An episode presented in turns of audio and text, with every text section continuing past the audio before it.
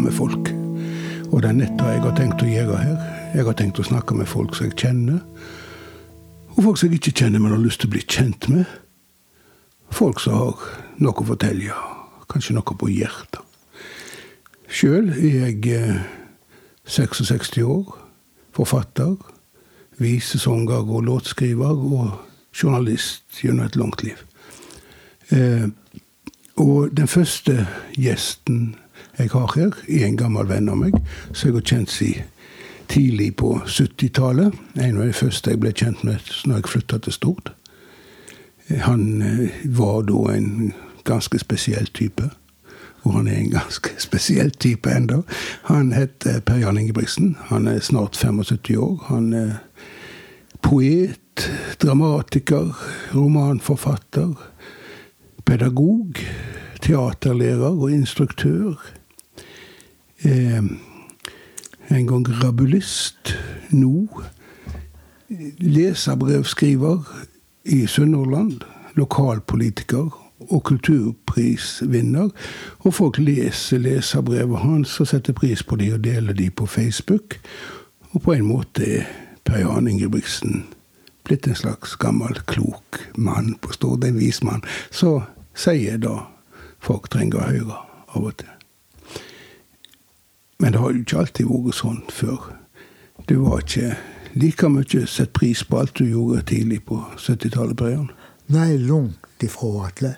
Nei, du, jeg har jo opplevd å gå gjennom gata på Lærvik og bli trua med juling dersom jeg ikke kommer meg fra øya øyeblikkelig. Av voksne folk. Ja, Hva galt hadde du gjort da?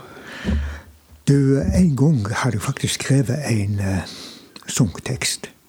Så farlig kan det være med en sangtekst. ja, ja. Og hva, hva, hva av sangene dine var det? Du, Den sangen heter Akerhus Blues. Og det var egentlig en tekst jeg laga i forbindelse med planlegging av nytt kulturhus på Stord. Ja, jeg må innrømme at jeg lagde melodi til den. Ja, gjorde du faktisk. ja. Nei, det var ikke alle som likte det så godt. Nei, eh, egentlig så hadde jeg gått rundt og tenkt lenge på akkurat den. Og når de første tegningene kom i Sønnhordland eh, i forbindelse med Kulturhuset, så syntes jeg at det mangla vesentlige sider ved Kulturhuset på den tida der. Og ikke minst innflytelse fra den vanlige borger. For her var det jo Aker Stord så stilte vi en viss sum. Langt ifra hele summen. Faktisk en mindre del. Men likevel så forlangte å få bestemme arkitektur osv. osv. Og og innhold i huset, ikke minst. In, innhold i huset, ikke minst. Ja. Jeg, på, på et uh, møte på Grand, uh, der direktøren på Stord Verft var til stede, så mange politikere så hadde jeg ordet, annet, og uh, sa at jeg ville ha bort uh, svømmebassenget. Og så ville jeg gjerne ha svømmebasseng, men jeg ville ha det oppå Vikahaugen i forbindelse med idrettshallen. Ja, så kunne de få et så stort svømmehall som de ville, men der ville jeg ha et vanlig uh, teaterlokale. Gjerne med 100-150 uh, tilskuere som det var plass til. Det syns jeg mangla i Kulturhuset. Altså det som jeg syntes var det folkelige som jeg sjøl drev Ja, og det som en ser i dag, at det mangler det på mange måter. Og, ja. ja. Det som skjedde da, var at en av politikerne æreskjelte meg privat. Direktøren på Aker Stord, eh, Isaksen, gikk fram og henvendt til politikeren sa han at vi må roe det litt ned. Og faktisk så var det han som etter debatten kom bort og tok meg i hånda. Ja, ja det, det var, dette var midt på 70-tallet. Og, og, jeg må fortelle at da, da på 40-årsjubileet for Kulturhuset, så sang jeg den sangen fra scenen. Og det er jo en av de få gangene jeg har sunget den etter at Kulturhuset åpna. For vi var jo blant de som tok det i bruk når det ja. først Men noen år før dette her, så, så møtte jeg deg. Og da jobber du først og fremst med teateret, til det jeg husker. Du hadde en stor drøm og plan om å sette opp musikalen her på Stord. Og, og jeg husker at jeg var til stede på en prøve eller noe sånt i museumshallen. Og da tror jeg var første gangen jeg ble kjent med deg. Men eh, hvor, hvor, kom denne teaterinteressen din fra? Du, den kom faktisk fra jeg var helt liten. Hadde knapt nok sett teater. Jeg hadde en grandonkel i Bergen. Han tok meg en gang med på Den nasjonale scene. Jeg kan ikke ha vært mer enn seks-sju år gammel. Og jeg husker noen killebukker og noe greier på scenen. Det er det som står for meg. Men jeg vet jeg ble grådig engasjert. Jeg vet ikke hva stykket det var engang. Eneste jeg vet, at det var geitebukker der, eller folk som var utkledd som det. Men siden så lå det noe i meg når det gjaldt teater. Og så husker jeg da første gang jeg prøvde å ville være med i et teaterstykke. Eh, da eh, Det var på midten på 50-tallet. Var rundt ni-ti år gammel. Jeg kom jo fra et industriarbeiderområde. Der drev ikke folk med teater. Der jobba de på kjøttdeigen. Og eh, jeg lista meg ned i turnhall. Der skulle det være audition. Og der stilte vel alle disse ungene til forretningsfolka på Vikjå. Den ene ble prøvd etter den andre. Jeg satt igjen helt på slutten. Da kom det ei dame ut og sa 'Neimen, sitter du her ennå? Nå er det slutt'. Ja, Så da fikk ikke du være med på det? Fikk ikke være, ble ikke kalt inn. Nei. Eh, men eh, la du vekk interessen de hele planene dine om å jobbe med teater? Du hadde vel ikke planer akkurat? men... Nei, jeg hadde ikke planer, men lysten var der jo ikke. Praksisen den lå på fotball og, og, og, og springe og hoppe. var ingen andre der med teaterinteresse, så jeg kjente. Jeg var så veldig spesiell. og akkurat dette med, med, med, eh, med arbeiderbakgrunnen din eh, gjorde vel òg at du ikke i utgangspunktet hadde tenkt deg å bli leger, men du ble etter det jeg husker platearbeider. Ja, ja, jeg begynte i lære på, eh, på uh, verftet. Kjøttøyden, som jeg sier. Ja. ja.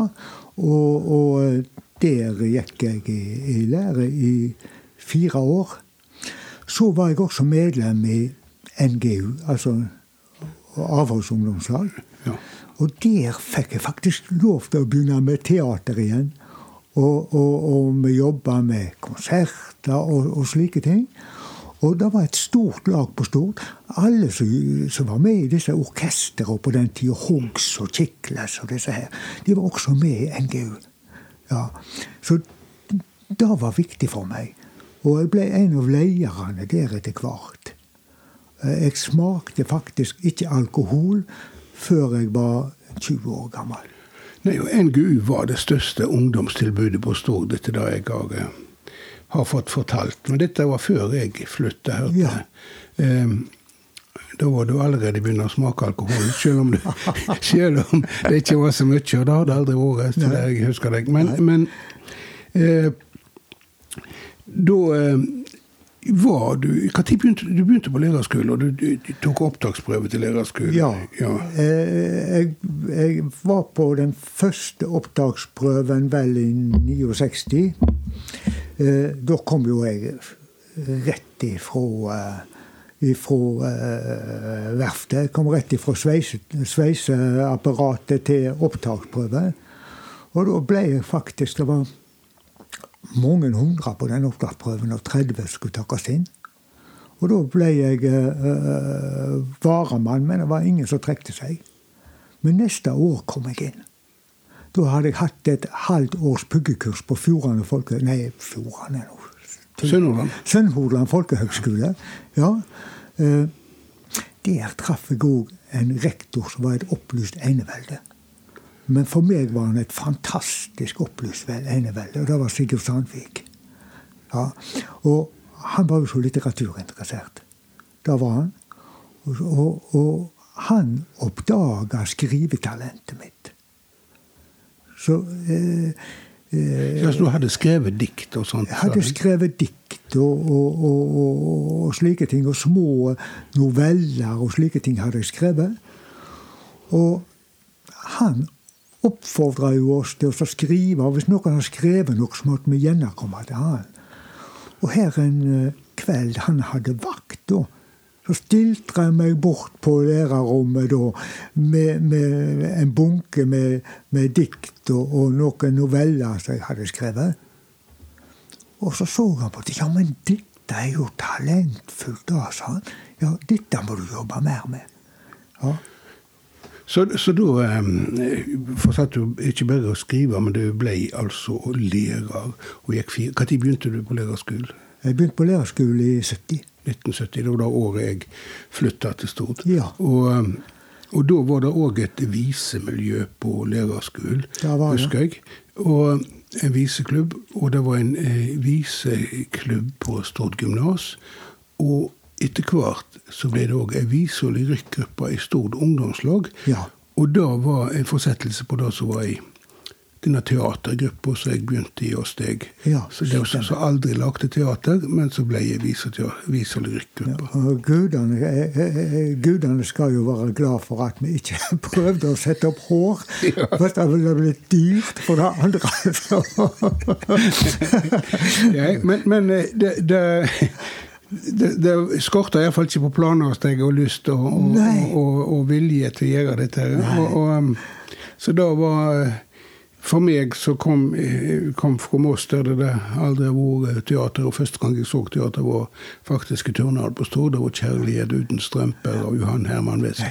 Eh, så eh, var dette jo ei fantastisk oppleving. Komme inn i et, et, miljø som var opptatt av noe helt annet. altså dikting, litteratur og, og visesang. Og her på Stord det var òg et politisk miljø. Eh, med, så på en måte var trygt plassert ute på ei venstreside. Jeg tror alle avskygninger av venstresida var representert. Men du, du kom ifra Unge Venstre, gjorde du ikke? Ja, det gjorde jeg faktisk. Jeg til og med vært, det var med å bygge opp Unge Venstre til et lag som hadde 250 medlemmer. Men vi var bokstavelig talt et vi sto på venstresida. Vi sto faktisk til venstre for, eh, for AUF på den tida der. Ja. Ja, vi var f.eks. Eh, veldig aktive mot eh, Vietnamkrigen. Ja, krig generelt. Og, og jeg var jo, kommet såpass langt at jeg var på et landsmøte i Venstre. Der Eh, var landsmøtet før Venstre skilte, skilte seg i to og fikk det nye Folkepartiet. Og, eh, og, og, vi hørte jo til det som ble kalt for Garbo-sida da. Han var jo eh, pasifist. Og, ja. Gunnar Garbo. Gunnar Garbo, ja. ja. ja. Så, eh, så, det var naturlig for meg å være eh, aktiv der. Eh, men svært mange av disse her er også på Stord. Jeg kjenner en viss advokat, f.eks. Han er jo i dag SV-medlem. Ja. ja men, men, men, du sjøl har nå etter enda i Arbeiderpartiet? Ja, og det har en, en, en lengre prosess. For det første, jeg er først og fremst demokrat. Og så går det på dette med at jeg har ikke skifta mening har ikke skifta eh, da. Men 2011 eh, gjorde noe med meg. Når folk så jeg snakket med til og med i nabolaget, så sa at ja, at AUF-ere ble drept, var jo synd, men eh, det var egentlig deres skyld. Ja, Hørte du folk si det, da? Ja, det hørte folk si. At det var deres skyld. Jeg hadde en i nabolaget som sa det, blant annet. Jeg hadde en kar som jeg ikke skal nevne navn på for all del, som gjorde noe arbeid i hagen min. Han sa at når jeg hørte om, eh, om hva som hadde skjedd, sa han ja, jeg følte meg så lett jeg kunne svevd. For der, der var det, fikk disse her muslimelskerne som fortjent. Ja. Dette gjorde noe med meg. Og, Og, og, og uh, var vel en av grunnene til at jeg begynner å tenke på å engasjere meg litt politisk igjen. Ja, Og da gikk du til Arbeiderpartiet. Men jeg mener du har nå sikkert stemt både SV og annet i, i løpet av ditt liv? Går ja, ja, jeg har det legger ikke skjul på stemt veldig mange år på SV. Ja. Aldri stemt til venstre for SV, Nei. Men jeg har stemt SV. Det har jeg gjort.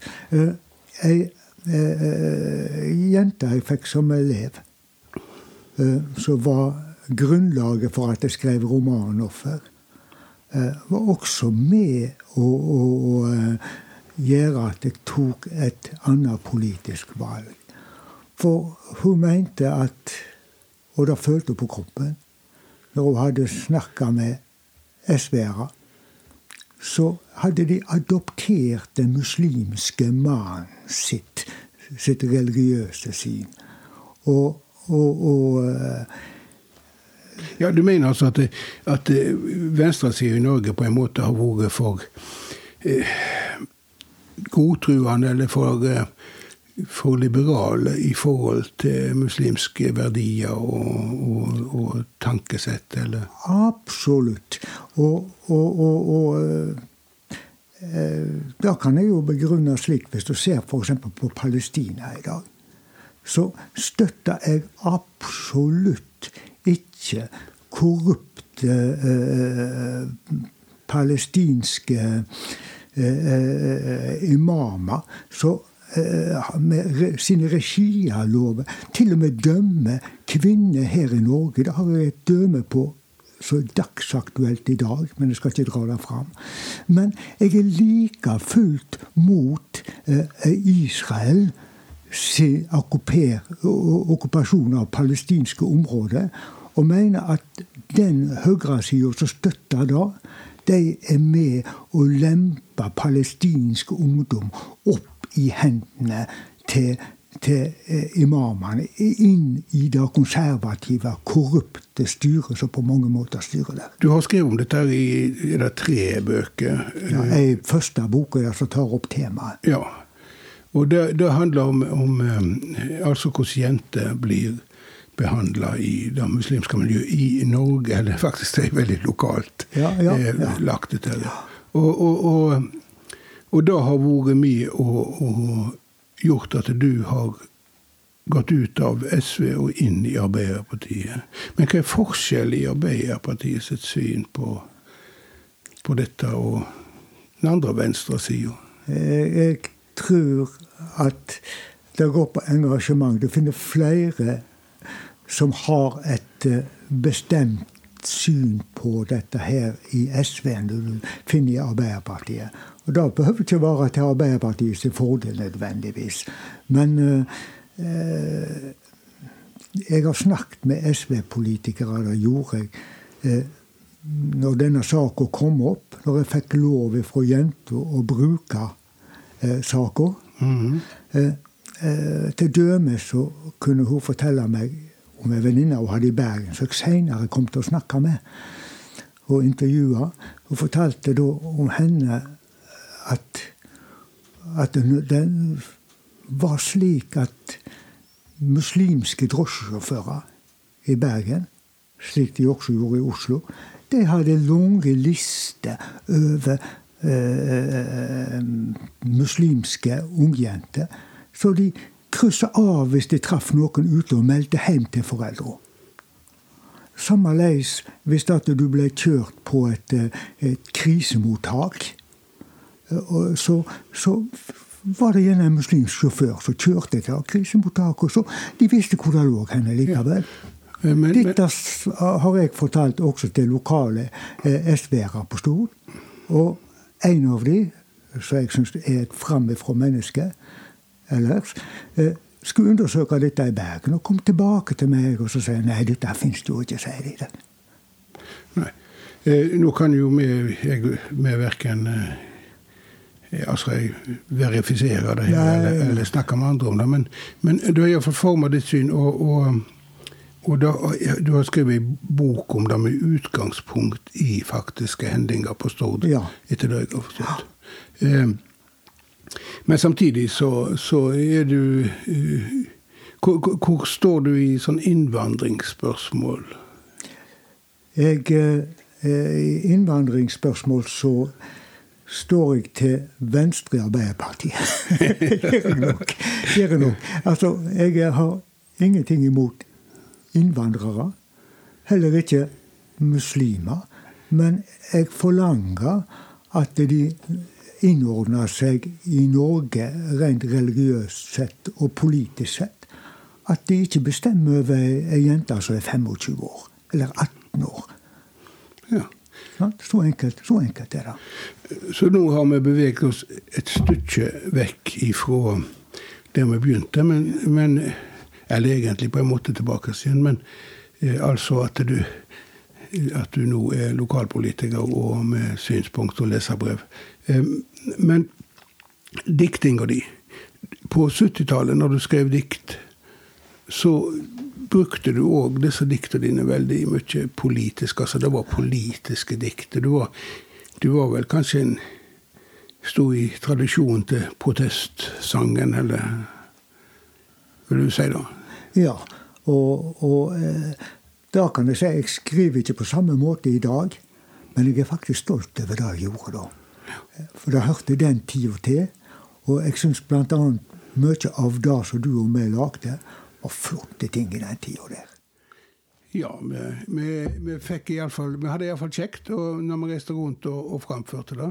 Og opplevde mye løye sammen. Ja. Vi kan ikke dra alle de historiene der, for de kan bli ganske de, de kan bli ganske lange òg. F.eks. når vi gikk ifra, nesten fra Etne til Utbjorda, eh, for det gikk ikke busser. Det var første påskedag. Det er det nesten ikke folk som vil tro i dag, vet du, når du forteller det. Men det er faktisk Eller når vi møtte et lyslevende spøkelse midt på lyset dagen i solskinn i Sogn og Fjordane. På vei til Moldefestivalen. Ja. ja. ja Der jeg vant en, kultur, vant en litteraturpris som jeg aldri fikk utlevert. det stemmer, da. Men du fikk vite om det 40 år seinere. 40 år seinere. ja. Så det er Men altså, gjør det kort, så, så hadde vi ei vise- og i Stord ungdomslag. Ja. Og den utvikla seg senere til det som heter Fokus, som var mer bredere orientert eh, ungdomsaktiviteter, ja. der vi òg drev med teater og billedkunst og hva som helst jeg kom til å drive med. Men eh, det er for så vidt en annen historie.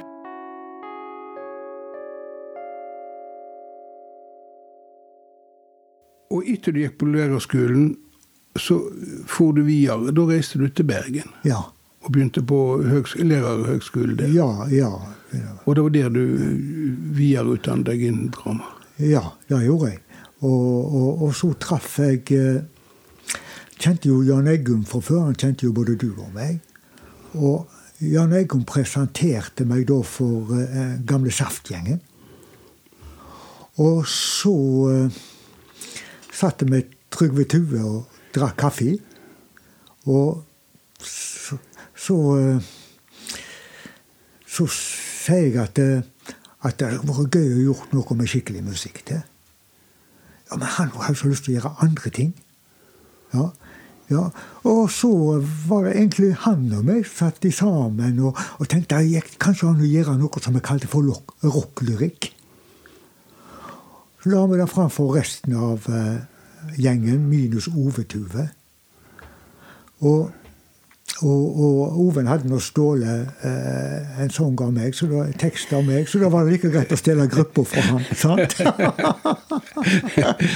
så du ble liksom den nye vokalisten i Saft du da, etter Ove Tue? på en måte? Ja, da, da drev vi rocklyrikk. Så hadde vi jo Pål Juve med òg. Ja. Rock'n'rollene ble jo en hit på den tida med Pål Juve. da. Sånt. Og, og vi opptredde på festivaler, blant annet det som ble eh, eh, føregangen til filmfestival i Haugesund. Altså. Det, det, var en kulturfestival. En stor, en stor, kulturfestival som Norsk Forfattersentrum arrangerte sammen med Norsk kulturråd.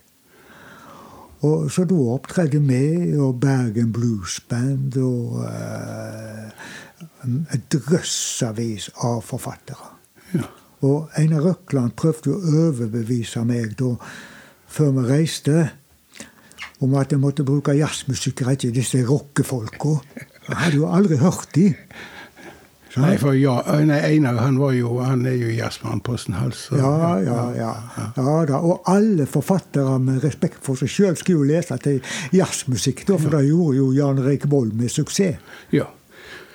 Eh, men, men du, du, du, drev med, med med, med rockelyrikk, og det, det, holdt på med lenge. Men, men samarbeidet med Pål Juve da fortsatte òg når du da skrev eh, dette skuespillet, eller musikalene, hva er det for noe skal kalles, som heter Rødt lys. Ja, ja. Og det var litt seinere, var på 80-tallet da? Det var på 90-tallet, faktisk. På 90-tallet? Ja, så seint, ja. ja. det var så seint. Ja. Men jeg gjorde jo i samarbeid med Pål opp gjennom hele 80-tallet. Ja. Det gjorde vi. På 80-tallet var, du, var du lærer, eh, bl.a. oppe i Gulen. Ja, og der skal jeg si deg Altså, jeg, jo, jeg, jeg er jo en fullblodspedagog. Jeg elsker det. det. Det kan jeg godt si. Jeg har aldri vært noe som jeg har hatt på si. Og der eh, fikk jeg en klasse eh, på Dalsøra. Der læreren var slutta. Han åt Han tog til slutt krit, sa de. Så den klassen jeg overtok, var ikke bedre bedre. Det var 15 elever. Og jeg fikk bruke min pedagogikk. Både rektor og elevene og foreldre sa at verre kan det ikke bli. Så det forbedrer seg ikke engang. Var et veldig godt utgangspunkt for meg. Og det enda opp med at vi skrev en ungdomsroman. Ble innkjøpt av Kulturrådet, så gikk ut på Fonna forlag og så heter Katrines blues Helges rus. Og den fikk altså rundt 150 omtaler. Jeg har de fleste av de hjemme ennå. I alle de store avisene, annet. Og ble jo solgt til de grader. Og all inntekt så ned så så at vi solgte det til arbeiderpress også, som gikk som forsettes i flere Sogn Dagblad, flere arbeiderpressaviser. eh. De brukte vi til, til, tur til London med hele klassen. Studietur. Men resten da gikk til Redd Barna. Det var et fantastisk kjekt prosjekt. Jeg har kontakt med mange av de elevene ennå. Og jeg tror ennå ikke noen har slått de karakterene de gikk ut med til eksamen. De gikk ut med, gammeldagse karakterer med fem S-er, sju M-er og tre G-er. Det er fantastisk. Og jeg husker jeg var besøkt deg på en skole òg, forresten. Ja. Eh, og neste skole jeg var besøkte deg på, det var vel Fjordane folkehøgskole. Var det ikke der du for etterpå? Eller? Jo, det visst gjorde det. I uh, Nordfjordeid. Nordfjordeid, ja. Og der lagde du enda mer furore, har jeg sagt? Ja, det gjorde vi. Alt lå jo til rette med så flotte teaterlokaler og alt der. Så der fikk jeg lov å boltre meg, også med mine pedagogiske tanker og mine tanker om teater. Så der fikk jeg være leder for ei, ei teaterlinje. Og der eh, fikk vi jo mange spesielle elever, da. Og etter hvert så gjorde vi et skuespill som heter Aids. Aids-stykket da eh, Eh, ble jo landskjent. Det, det var akkurat da når hiv-smitten ja. kom, ja. og som, som med, relasjoner altså sagt, med, med, tanke på dagens pandemi, så var dette første gangen eh, Iallfall jeg og deg opplevde en sånn stor eh, ja. sykdom komme og true oss. Ja, folk var jo skrekkslagne. De trodde jo at det gikk an å ta på folk uten å bli smitta omtrent. Og, og, og og dommedagsprofetene sto jo fram i den ene avisa etter den andre. Så da var det viktig å arbeide mot stigmatiseringa. Og det var først og fremst den vi tok utgangspunkt i, i, i stykket Aids. Og jeg fikk en fantastisk flott samarbeidspartner i en eh, som da var sjef eh, i, i, Helsedirektoratet, som het doktor Ekeid på den tida der. Var landets fremste eh, spesialist på den form for sykdommer. Og der fikk vi alle de opplysningene vi trengte. Vi sendte manuset til han. Han syntes det var så flott at vi tok utgangspunkt i å ikke stigmatisere. Og stykket ble jo en gedigen suksess. Seinere så ble det sendt i NRK, og det ble sendt i Sverige TV1. Så det syntes vi jo var fantastisk kjekt. Altså. Og dere turnerte med det? Vi turnerte hele landet. En stor skuffelse hadde jeg der. Eh, vi fikk tilbud om å komme til eh, Svalbard og spille det inn. Men jeg hadde lagt opp til en demokratisk prosess blant elevene mine. Eh, hvor vi skulle turnere henne. Og da kom det et forslag fra ei jente om at der var det altfor kaldt. Det reiste vi ikke. Og vi tapte da. Flertallet vil ikke reise til Svalbard. Nei, det er den kulden er feil. Eh, da skal vi på Svalbard. Ja. Eh, nei, da, men, men eh, vi, får hoppe et stykke til, for eh, du for iallfall derifra. Jeg vet du ja. var nede i Sand på Ryfylke folkehøgskole. I to år. I to år. Og så etter hvert så kom du tilbake til Stord, og da som dramaleder, blant annet, eller teaterleder på, eh, på Stord videregående skole og musikklinja der. Og da fikk du på en måte oppfylt drømmen din fra ungdommen. Du fikk ikke sette opp Cats, gjorde du det? Nei. Men du fikk sette opp alle de andre store Alle de andre. Eh, det var spesielt to stykker jeg hadde veldig lyst til å sette opp da. Det ene var, var 'Spellemann på taket'. Det andre var 'Jesus Christ Superstar'. De to hadde jeg veldig lyst til å sette opp. Ellers så setter vi jo opp uh, Grease og Fame og disse her, og det var jo veldig moro og kjekt å gjøre. Men Det var ikke noe jeg drømte om å gjøre, men jeg syns vi gjorde det flott ut fra forutsetningene våre. Men det største vi gjorde på musikklinja, det heter 'Arven fra Amerika'. Den ble skrevet på uh, mitt stovegulv. Der vi tok for oss musikkarven fra Amerika. Dette her var i forbindelse med jubileet ved Bergen som uh, kulturby 2000. Jeg fikk da i oppgave å jobbe med, uh, med, med skoler rundt om i hele fylket. Og, og uh, gikk ned 30% i jobb. Rektoren min ville ikke gi meg det på Stord videregående skole. En reduksjon. Men fylket kommanderte han til å gjøre det. Så det var nå fint. Vi, vi gjorde da arven fra Amerika i Bergen på slutten av april 2000. Det var 25 varmegrader den dagen. Min gode venn, nå avdøde Håkon Hansen, hadde musikkregien. Gjorde en fenomenal jobb. Og vi hadde sittende halve DNS på, det var på Teaterlosjen, som, som publikum. Hvis det var en lørdag. I tillegg til vokalisten i uh, Fabulous Thunderbird som skulle spille på kvelden, og vi var der om kvelden. Og så kom bort til oss etterpå og sier at Jenny Joplin Det jeg som spilte Jenny Joplin, så gikk, gikk faktisk på forming. Ja, Hun så ut som Jenny Joplin og sang som Jenny Joplin. Og han sa Jeg kjente Jenny Joplin, sa han. Det gikk kaldt nedover ryggen på meg når han så henne. The Ghost. det, han. det var fantastisk. Og hadde ovasjoner av jubel. Det var stappfullt med folk på det arrangementet der.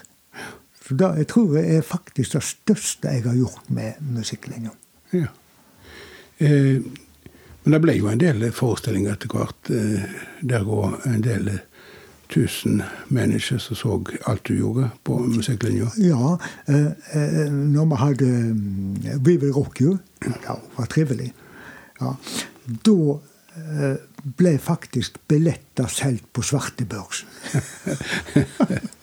det var Queen eh, Queen Musical. musical ja. Og der samarbeidet vi, fikk vi jo et samarbeid med, med de i, i, i London. Og dattera di skrev til, uh, til han som spilte hovedrollen. Var Marte, da? Marte, ja. ja. ja. Og regna vel ikke med å få noe svar. Men han skrev faktisk eh, hovedhelsinga i programmet vårt. han. Ja, nettopp. Ja. ja, det var, var en veldig flott forestilling, da, husker jeg. Og, og eh, nå Det begynner å bli noen år siden. Men når gikk du av som pensjonist? Jeg gikk av i offisielt i 2013. Ja. Men så ble jeg forespurt om jeg kunne ta den siste musikalen. Eh, eh, siden jeg hadde hatt elevene, så hadde premiere i 2014, og da var Jesus Christ Superstar. Ja. Da var mitt siste på musikklinja. Ja. Så da fikk du liksom på en måte vendt tilbake til begynnelsen. Om det ikke var Cats, så var det iallfall samme komponist. Eh, ja. Men i tillegg til dette så drev du da eh, noe som heter Sunnhordland Teater. Ja. Som framførte dine, din dramatikk. Ja. Øh, dels min dramatikk, og dels ting som de skrev sjøl. Ja. ja. Vi hadde bl.a. en revy der de skrev alt sjøl. Ja. Det var framført i, i, i Kulturhuset. Ja, Den syntes jeg ble flott. Og, og her eh, kan på mange måter si at vi er litt tilbake til, til det gamle. Altså vi eh, Ikke partipolitisk, men avgjort samfunnspolitisk engasjerte i det vi gjorde. Ja. Og, og, og øh, det var en flott gjeng, alle generasjonene jeg hadde opp igjennom.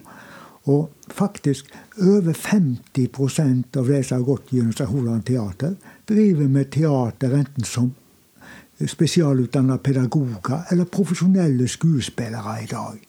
Ja. Så det var en slags eh, ynglekasse for nye talent. Og da eh,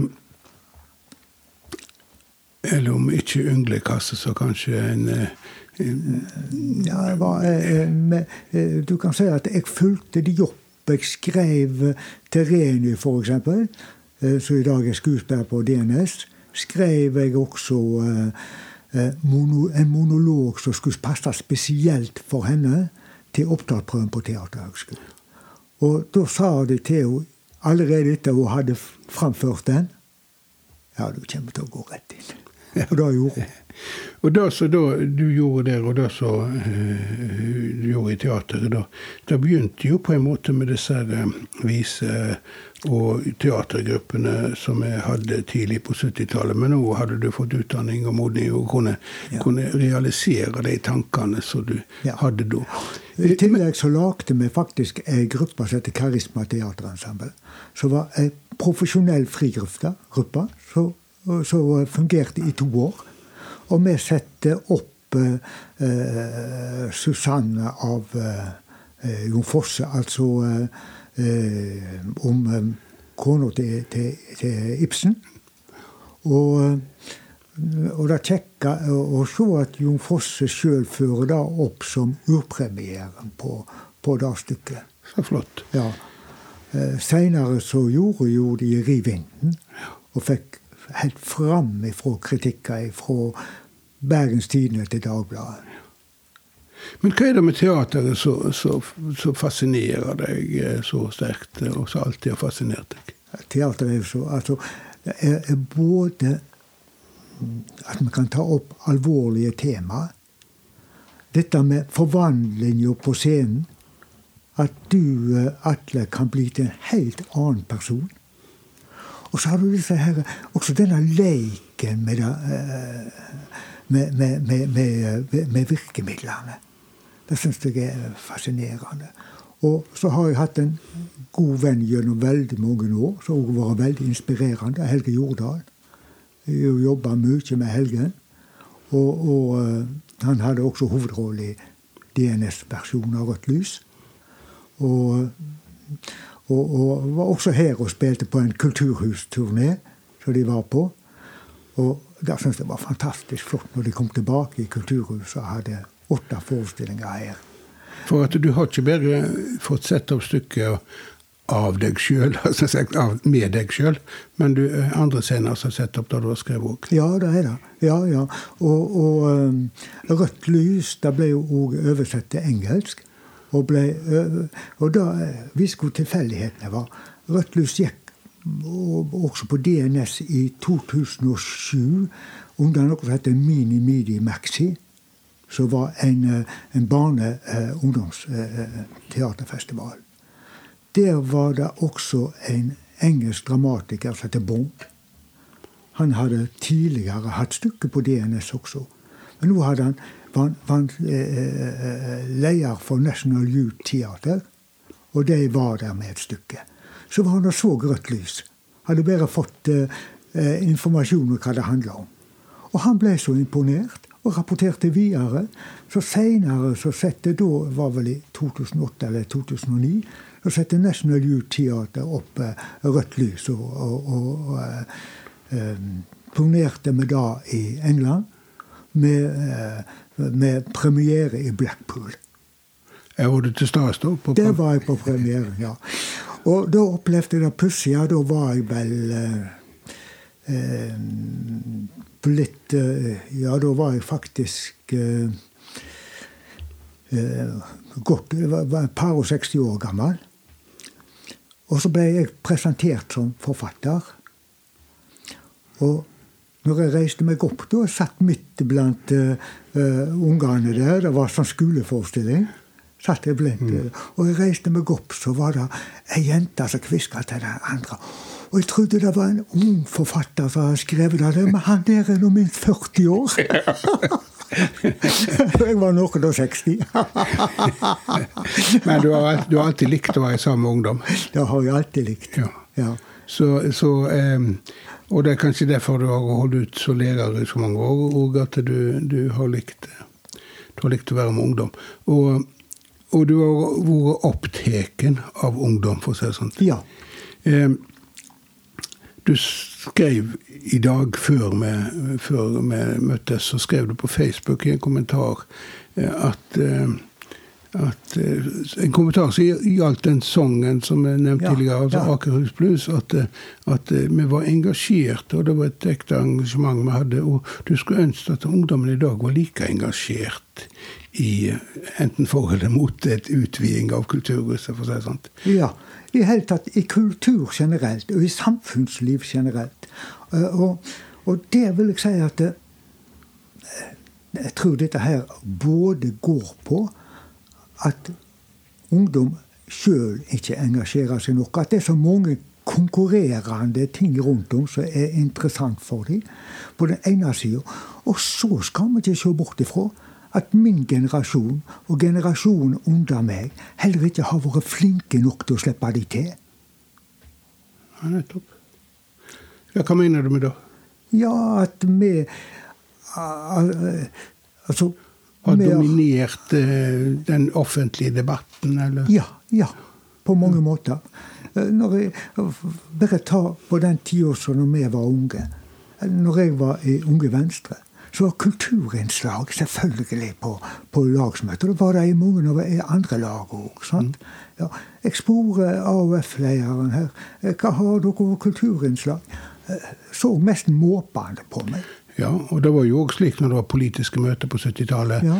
Jeg husker når de hadde et møte om eh, krisa i verftsindustrien på festsal på Grand, så var ja. jeg og, og, Rune Belsvik da ja. engasjert til å synge og lese dikt under, som innslag i programmet. Slik ser en ikke lenger. Nei, det er blåst vekk. Og ting jeg også ser når det gjelder kultur, som eh, eh må si gjør at jeg jeg blir litt bekymra. Jeg er jo varamann til kommunestyret. Og det har ført til at jeg har vært på hvert eneste møte i kultur og oppvekst eh, siste halvannet året. Så jeg har fått en viss innsikt.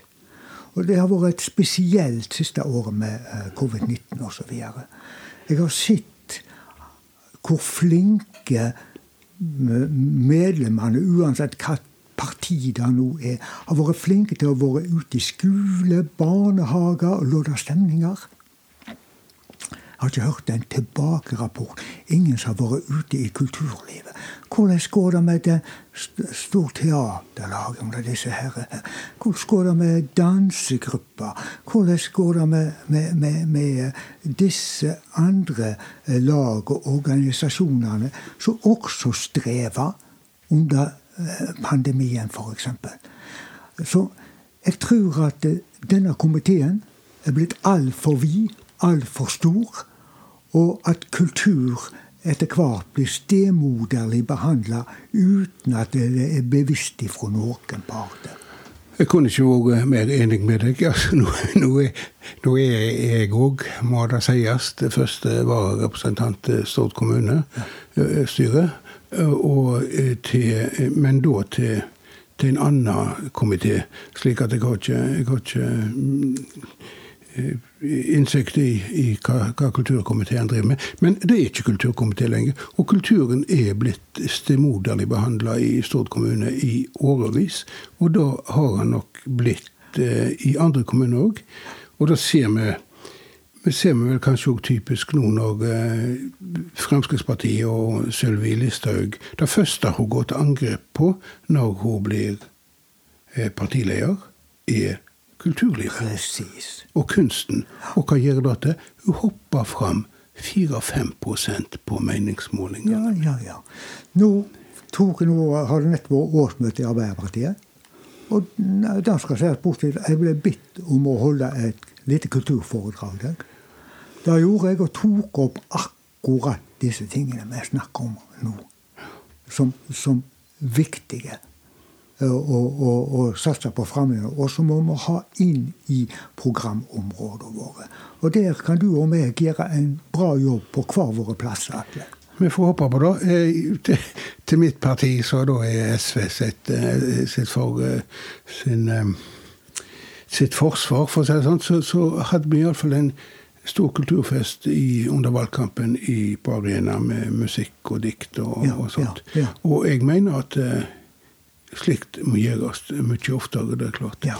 Men når det gjelder ungdommen sitt engasjement det, Vi har jo iallfall sett i, på, i Det finnes jo en del politisk engasjement på venstresida på Stord i dag.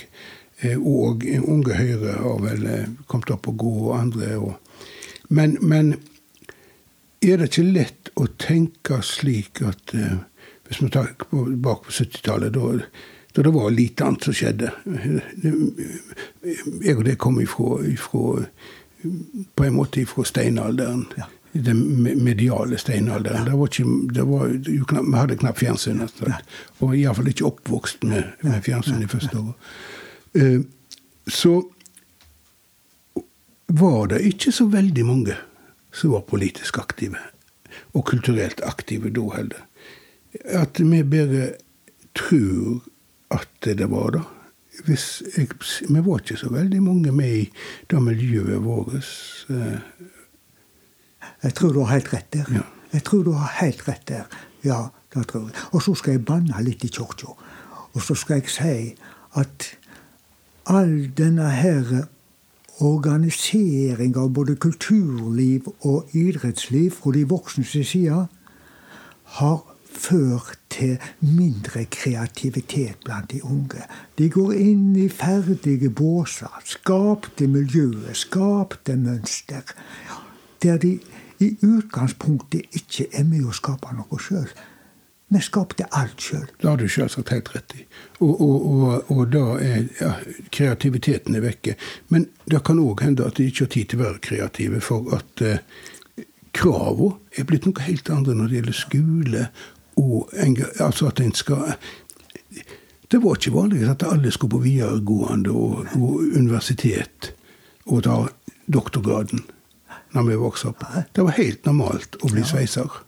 Og det var i flesteparten som ble det. Det var til og med helt normalt å være stillasarbeider ufaglært. Jeg har vært det.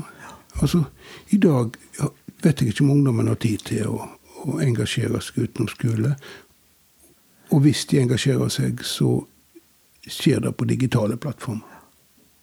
Men det kan hende at covid-19 kan føre noe positivt med seg.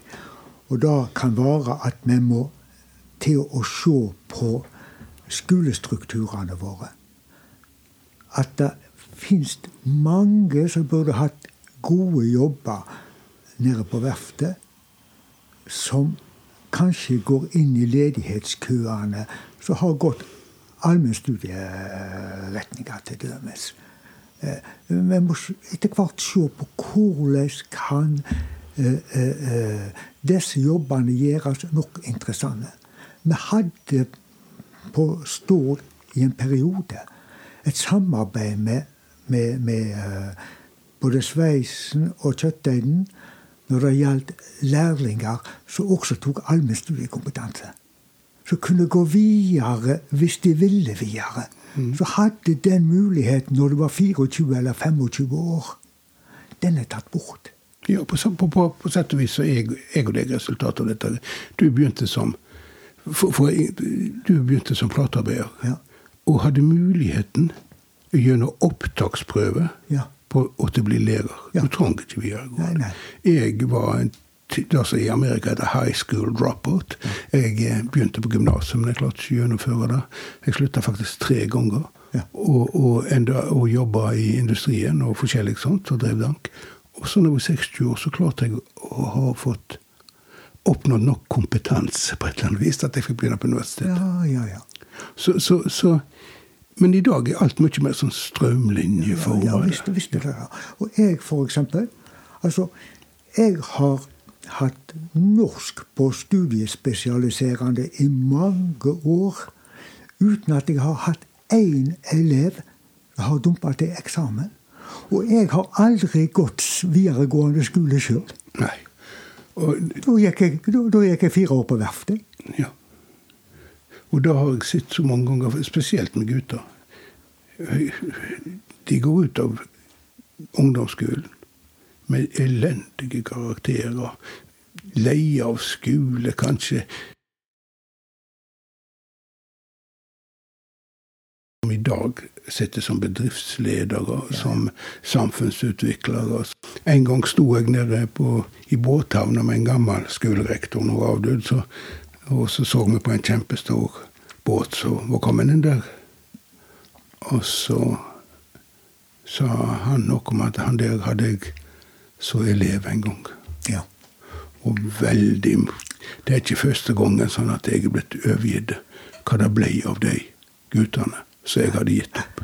En viss bedriftseier, når det gjelder Aker Stor, sto jo på eh, slutten på 90-tallet framfor elevene på yrkesskolen, som hette het enda den tida der, og fortalte at ok, før vi tar en joggetur i Landåsen, så skal jeg fortelle dere at jeg klarte ikke engang å fullføre ungdomsskolen. Ja.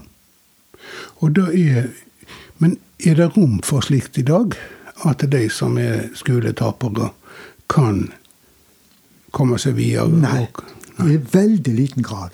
Den stegen opp fra grunnplanet, den fins ikke. Og det er de vi må se til å få laga igjen. Vi må, vi må, bygge et samfunn der det er ikke slik at alt du gjør når du er 15 år, skal forfølge deg resten av livet. Du har jo rett i dette her, men samtidig så er jo det som du drev med som 15-åring, og iallfall som 20-åring, har forfulgt deg hele livet og har gjort deg til den du er. Og, og har fått, eh, men du har fått lov til å utvikle den du var når du var 15 år, til noe annet. Ja, jeg har vel hatt den, den staheten og den pågangsmotet som skal til. Eh, eh, vært litt slik at eh, om noen har kasta vann på meg, så har jeg eh, bare rista pelsen og gått videre. Men hvordan føles det, hvordan føles det nå når jeg sier at du, du er blitt en sånn eh, lokal eh, vismann eller klok, klok gammel mann som skriver leserbrev, og folk nikker og sier ja, Per Jan, det er en klok mann som sier vise ting som en skal lytte til, og så deler det videre på Facebook. Hva tenker du om uh, å få kulturprisen? Sier du sånn ja ja, der kan dere se den som ler sist, ler best. Eller har du tenkt på dette her i hele tatt? Ja, jeg er veldig audmjuk til å ha fått Kulturprisen. Da først jeg at da var jeg både veldig overraska og veldig glad for. Da, da er det første jeg vil si. Og så eh, Når det gjelder dette med leserkunnlegg, alle som har henvendt seg til meg, som har ringt til meg, som jeg aldri har snakket med før Det kom bl.a. en telefon fra eh, fra uh, Sandefjord for ikke lenge siden. Er en teolog født på Stord, sønn til en uh, gammel ordfører her. Ringte for å skryte over det som jeg hadde skrevet. Det syns jeg er veldig spesielt. For egentlig så lever den vesle outsideren i meg ennå. Og den lever godt. Den døde ikke for meg. Takk skal du ha, Børjan, for at du stilte opp i den første podkasten som jeg har laga. Og hvem det neste blir jeg snakker med, da vet jeg ikke ennå.